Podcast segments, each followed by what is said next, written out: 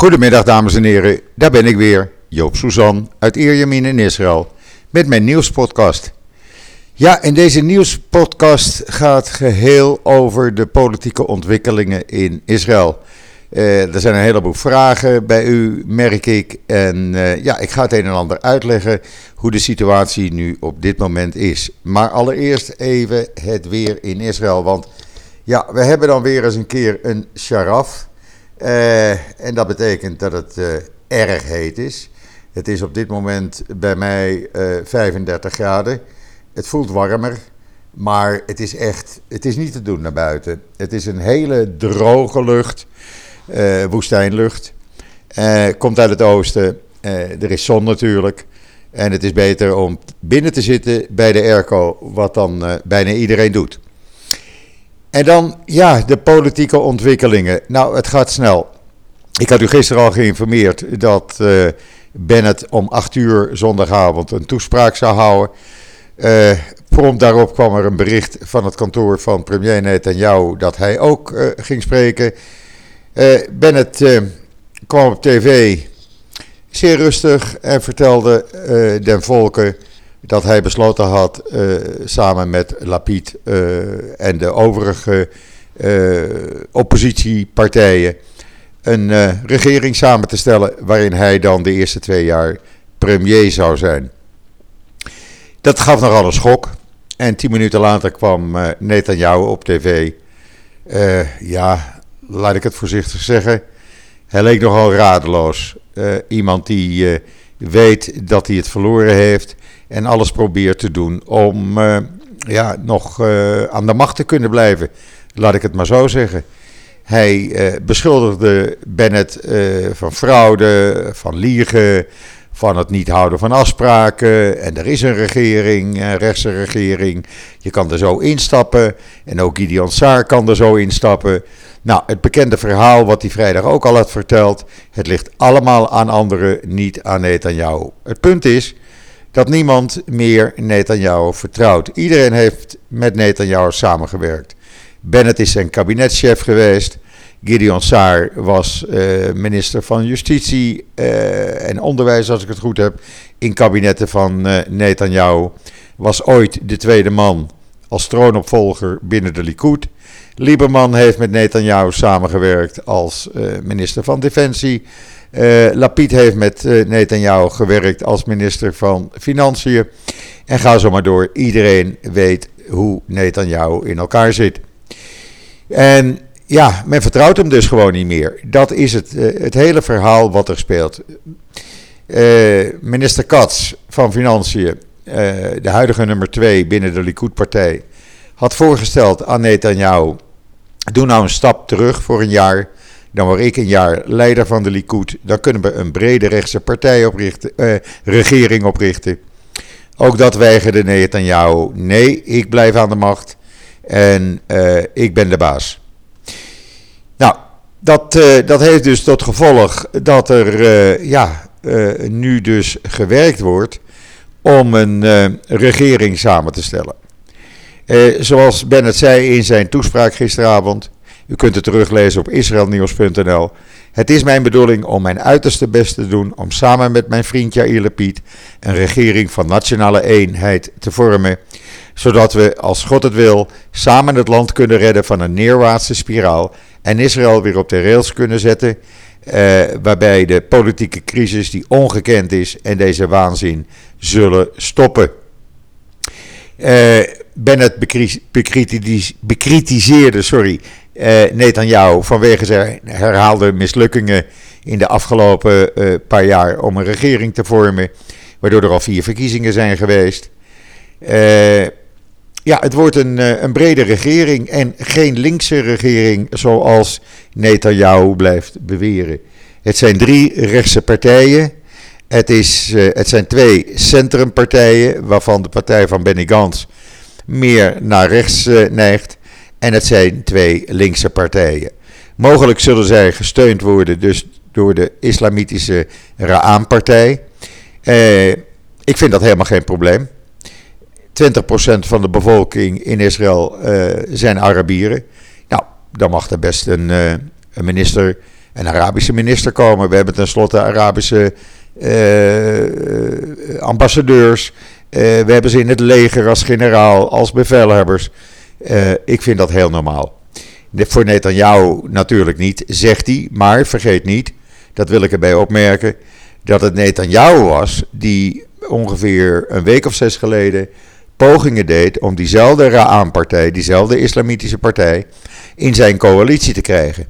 Om daardoor een regering te kunnen vormen. Dit werd tegengehouden door de ultrarechtse uh, Smotrich en Benkwier, die Netanyahu ook in zijn coalitie had gehaald. En ja, dat werd dus niks. Die gingen daar niet mee, mee akkoord. Dus de Ra'an-partij bleef buiten de, te vormen, eventueel te vormen coalitie van Netanyahu. Ja, sorry, een slokje water. Dat diezelfde Netanyahu nu Lapid en de andere uh, politici beschuldigt van in zee te gaan met een, uh, een Arabische partij, dat slaat natuurlijk op niets. Dat zijn argumenten die niemand meer, gel meer gelooft. Netanyahu in zijn toespraak die had het nog over, ze noemen het een genezende regering. Genezing van wie?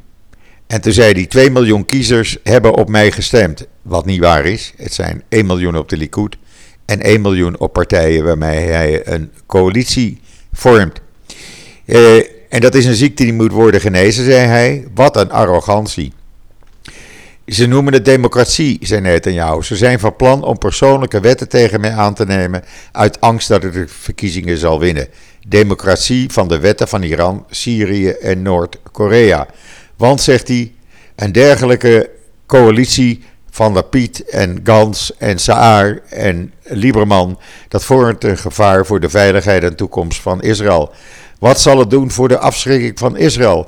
Hoe zullen we lijken in de ogen van onze vijanden? Wat zullen ze doen in Iran en Gaza? En wat zullen ze zeggen in de kantoren van de regering in Washington? Wie gaat er onderhandelen met de Amerikaanse regering? Een linkse leider? Nou, dat soort uh, uitspraken, ja, sorry, maar het slaat natuurlijk nergens om.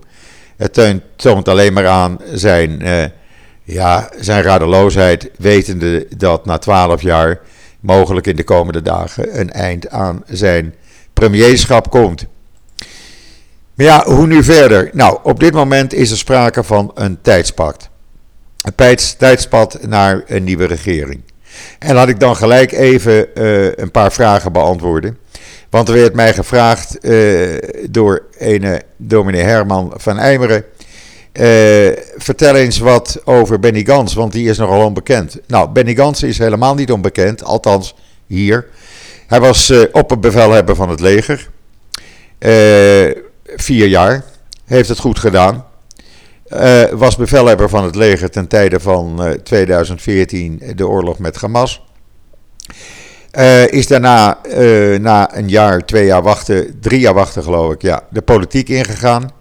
En heeft zich in de laatste twee jaar ontwikkeld door als iemand die ja, geen leerling meer is, maar verdraaid goed weet hoe het werkt in de politiek. En op de vraag: is de veiligheid bij deze eventuele nieuwe regering ook een goede handen, zoals bij Netanyahu? Uh, nou, kan ik u absoluut zeggen, meneer Van Eimeren. De veiligheid is ook bij deze ploeg in goede handen. Uh, Naftali Bennett bijvoorbeeld uh, was een officier in de elite-eenheid Shayeret Matkal. Een zeer geheime en zeer specialistische eenheid die dingen ook buiten de grenzen van Israël uitvoert. Uh, dan hebben we Benny Gans, ik noemde het net al. Uh, dan hebben we Lieberman, die is minister van Defensie geweest. Nee, dat zit wel goed bij deze, bij deze club. Het is een, uh, een jonge club. Jonge, ja, relatief jong, laat ik het zo zeggen, rond de 50. die al lang in de politiek werkzaam zijn, die weten en die kennen de klappen van de zweep.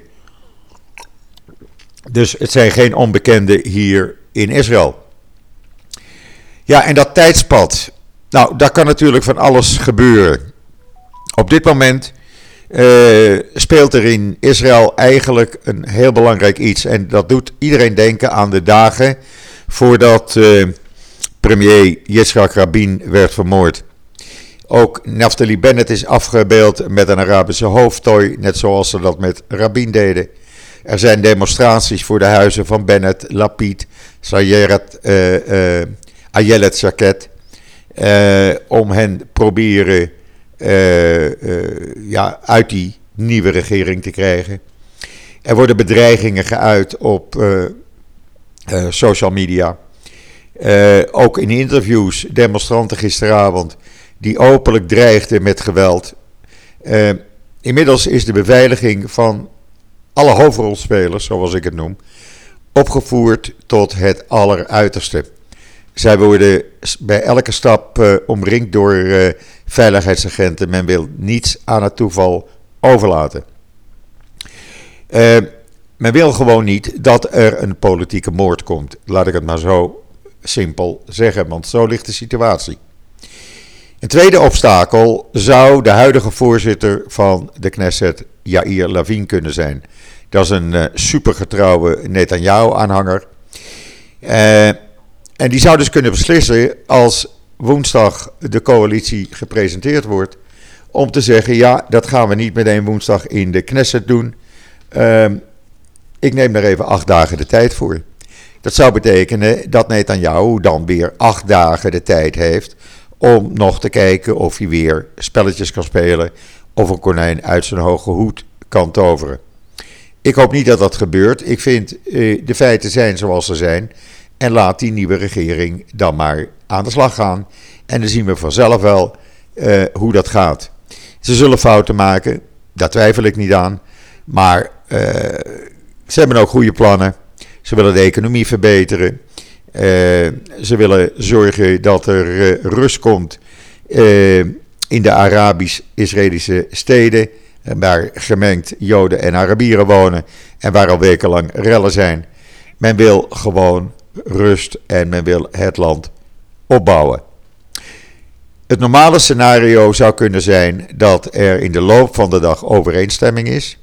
Dat er morgen door Lapid aan premier Rivlin uh, de nieuwe regering wordt gepresenteerd. Uh, dat zou uiterlijk woensdagmorgen moeten, want zijn mandaat loopt woensdagavond af. En dat daarna uh, de nieuwe regering gepresenteerd zou kunnen worden.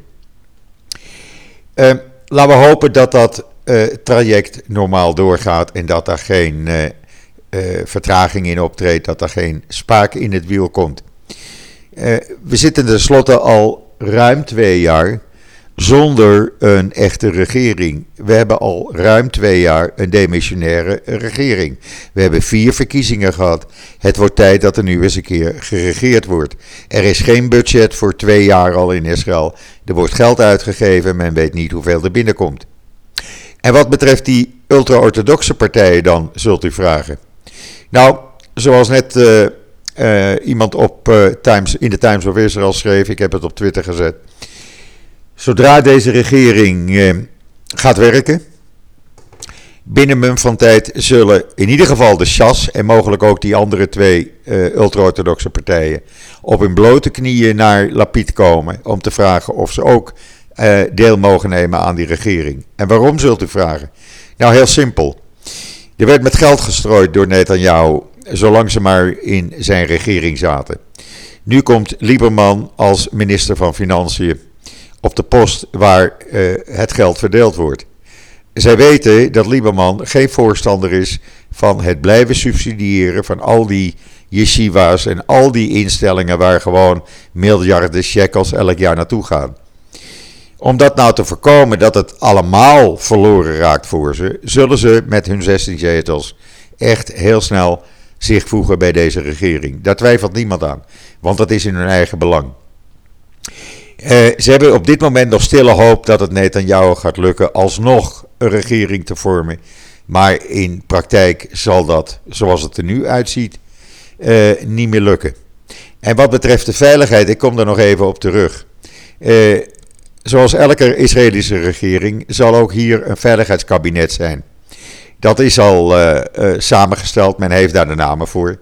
Het komt erop neer dat de rechtse partijen een zes op tot vier meerderheid hebben. Dus zes stemmen en vier voor de andere partijen. Dus de rechtse partijen hebben een meerderheid van twee zetels in het veiligheidskabinet. Uh, en daar zitten, alle, daar zitten ook mensen in uh, van bijvoorbeeld uh, de partij van Benny Gant, van Bennett. Bijvoorbeeld een voormalige commandant van een straaljager squadron. Die later ook bij een elite-eenheid is gaan dienen. dat zijn mensen die dus weten hoe het werkt wat betreft veiligheid. Zoals ik zei, het gaat dus een regering worden waar twee jaar uh, dus Bennett, de voorzitter wordt, de premier wordt. Lapid zal dan minister van Buitenlandse Zaken worden. Benny Gans blijft minister van Defensie. Na twee jaar wordt uh, Bennett minister van Buitenlandse Zaken en wordt Lapid premier. Uh, als ze dan nog uh, als regering bestaan. En daar gaan we maar vanuit. Ja, het is een hele spannende tijd. Echt waar. Ik, ik niet alleen, maar we zitten echt op het puntje van onze stoel om ja, gewoon elke keer bij te houden op televisie, op radio, in de kranten, op social media, wat er gebeurt, wat er door wie wat wordt gezegd. Het is een situatie dat Israël voor het eerst na twaalf jaar een, uh, een andere premier gaat krijgen. Een jongere premier, ik zei het al, rond de 50. Hij is 49 nu, Bennett. En iemand die, uh, ja, die, die zich ook presenteert, zoals hij daar gisteravond stond op televisie, zich presenteert als een doortastend iemand. We gaan het meemaken. Ik ken hem persoonlijk, Bennett. Ik ken hem al jaren. En uh, omdat hij in de eenheid heeft gezeten van de neef van mijn overleden vrouw. Uh, Emmanuel Moreno was zijn commandant. En hij heeft dus met Emmanuel allerlei uh, geheime ja, militaire zaken gedaan in binnen- en buitenland. Um, en die Sayeret Matkal is een elite-eenheid. Ik ontmoet hem dan altijd een paar keer per jaar bij mijn zwager in Jeruzalem. Uh, en ik moet zeggen, ik vind, ja, als persoon, ik heb het nou niet over politicus, als persoon mag ik hem erg graag, Naftali Bennett. Altijd vragen hoe het met je gaat, altijd weten wat je doet. En hij, is, uh, hij onthoudt ook alles. Uh, als politicus ken ik hem niet. Ik ken hem alleen van de televisie. En ik moet zeggen, ja, hij is iets te rechts, naar mijn idee. Maar misschien dat dat door Lapid dan uh, een beetje getemd wordt. Die twee die houden elkaar wel in balans. Uh, wat de overige politici betreft, ja, ze hebben hun sporen verdiend, laat ik het maar zo zeggen. Het zijn geen, uh, geen nieuwelingen. Uh, ze kennen het, uh, het politieke werk en ze weten wat er van hen verwacht wordt en wat ze moeten doen. De komende uren, de komende da twee dagen zijn belangrijk in de geschiedenis van de staat Israël. En ik zal zorgen dat u daarvan op de hoogte blijft. Uh, elke keer als er nieuws is, meld ik het op israelnieuws.nl. Ik hou het dagelijks in mijn podcast bij. Mochten zich uh, bijzondere ontwikkelingen doen, voordoen, u weet het onmiddellijk van mij. Uh, dus ja, ik zou zeggen, hou israelnieuws.nl in de gaten en mijn Twitter en Facebook account. Dan, uh, dan mis je niks, laat ik het maar zo zeggen. heeft u vragen, blijf ze stellen. Ik probeer ze altijd te beantwoorden. Wat mij betreft wens ik u nog een hele fijne voortzetting van deze laatste maandag van mei. en morgen ben ik er weer. En zeg ik zoals altijd: tot ziens, tot morgen.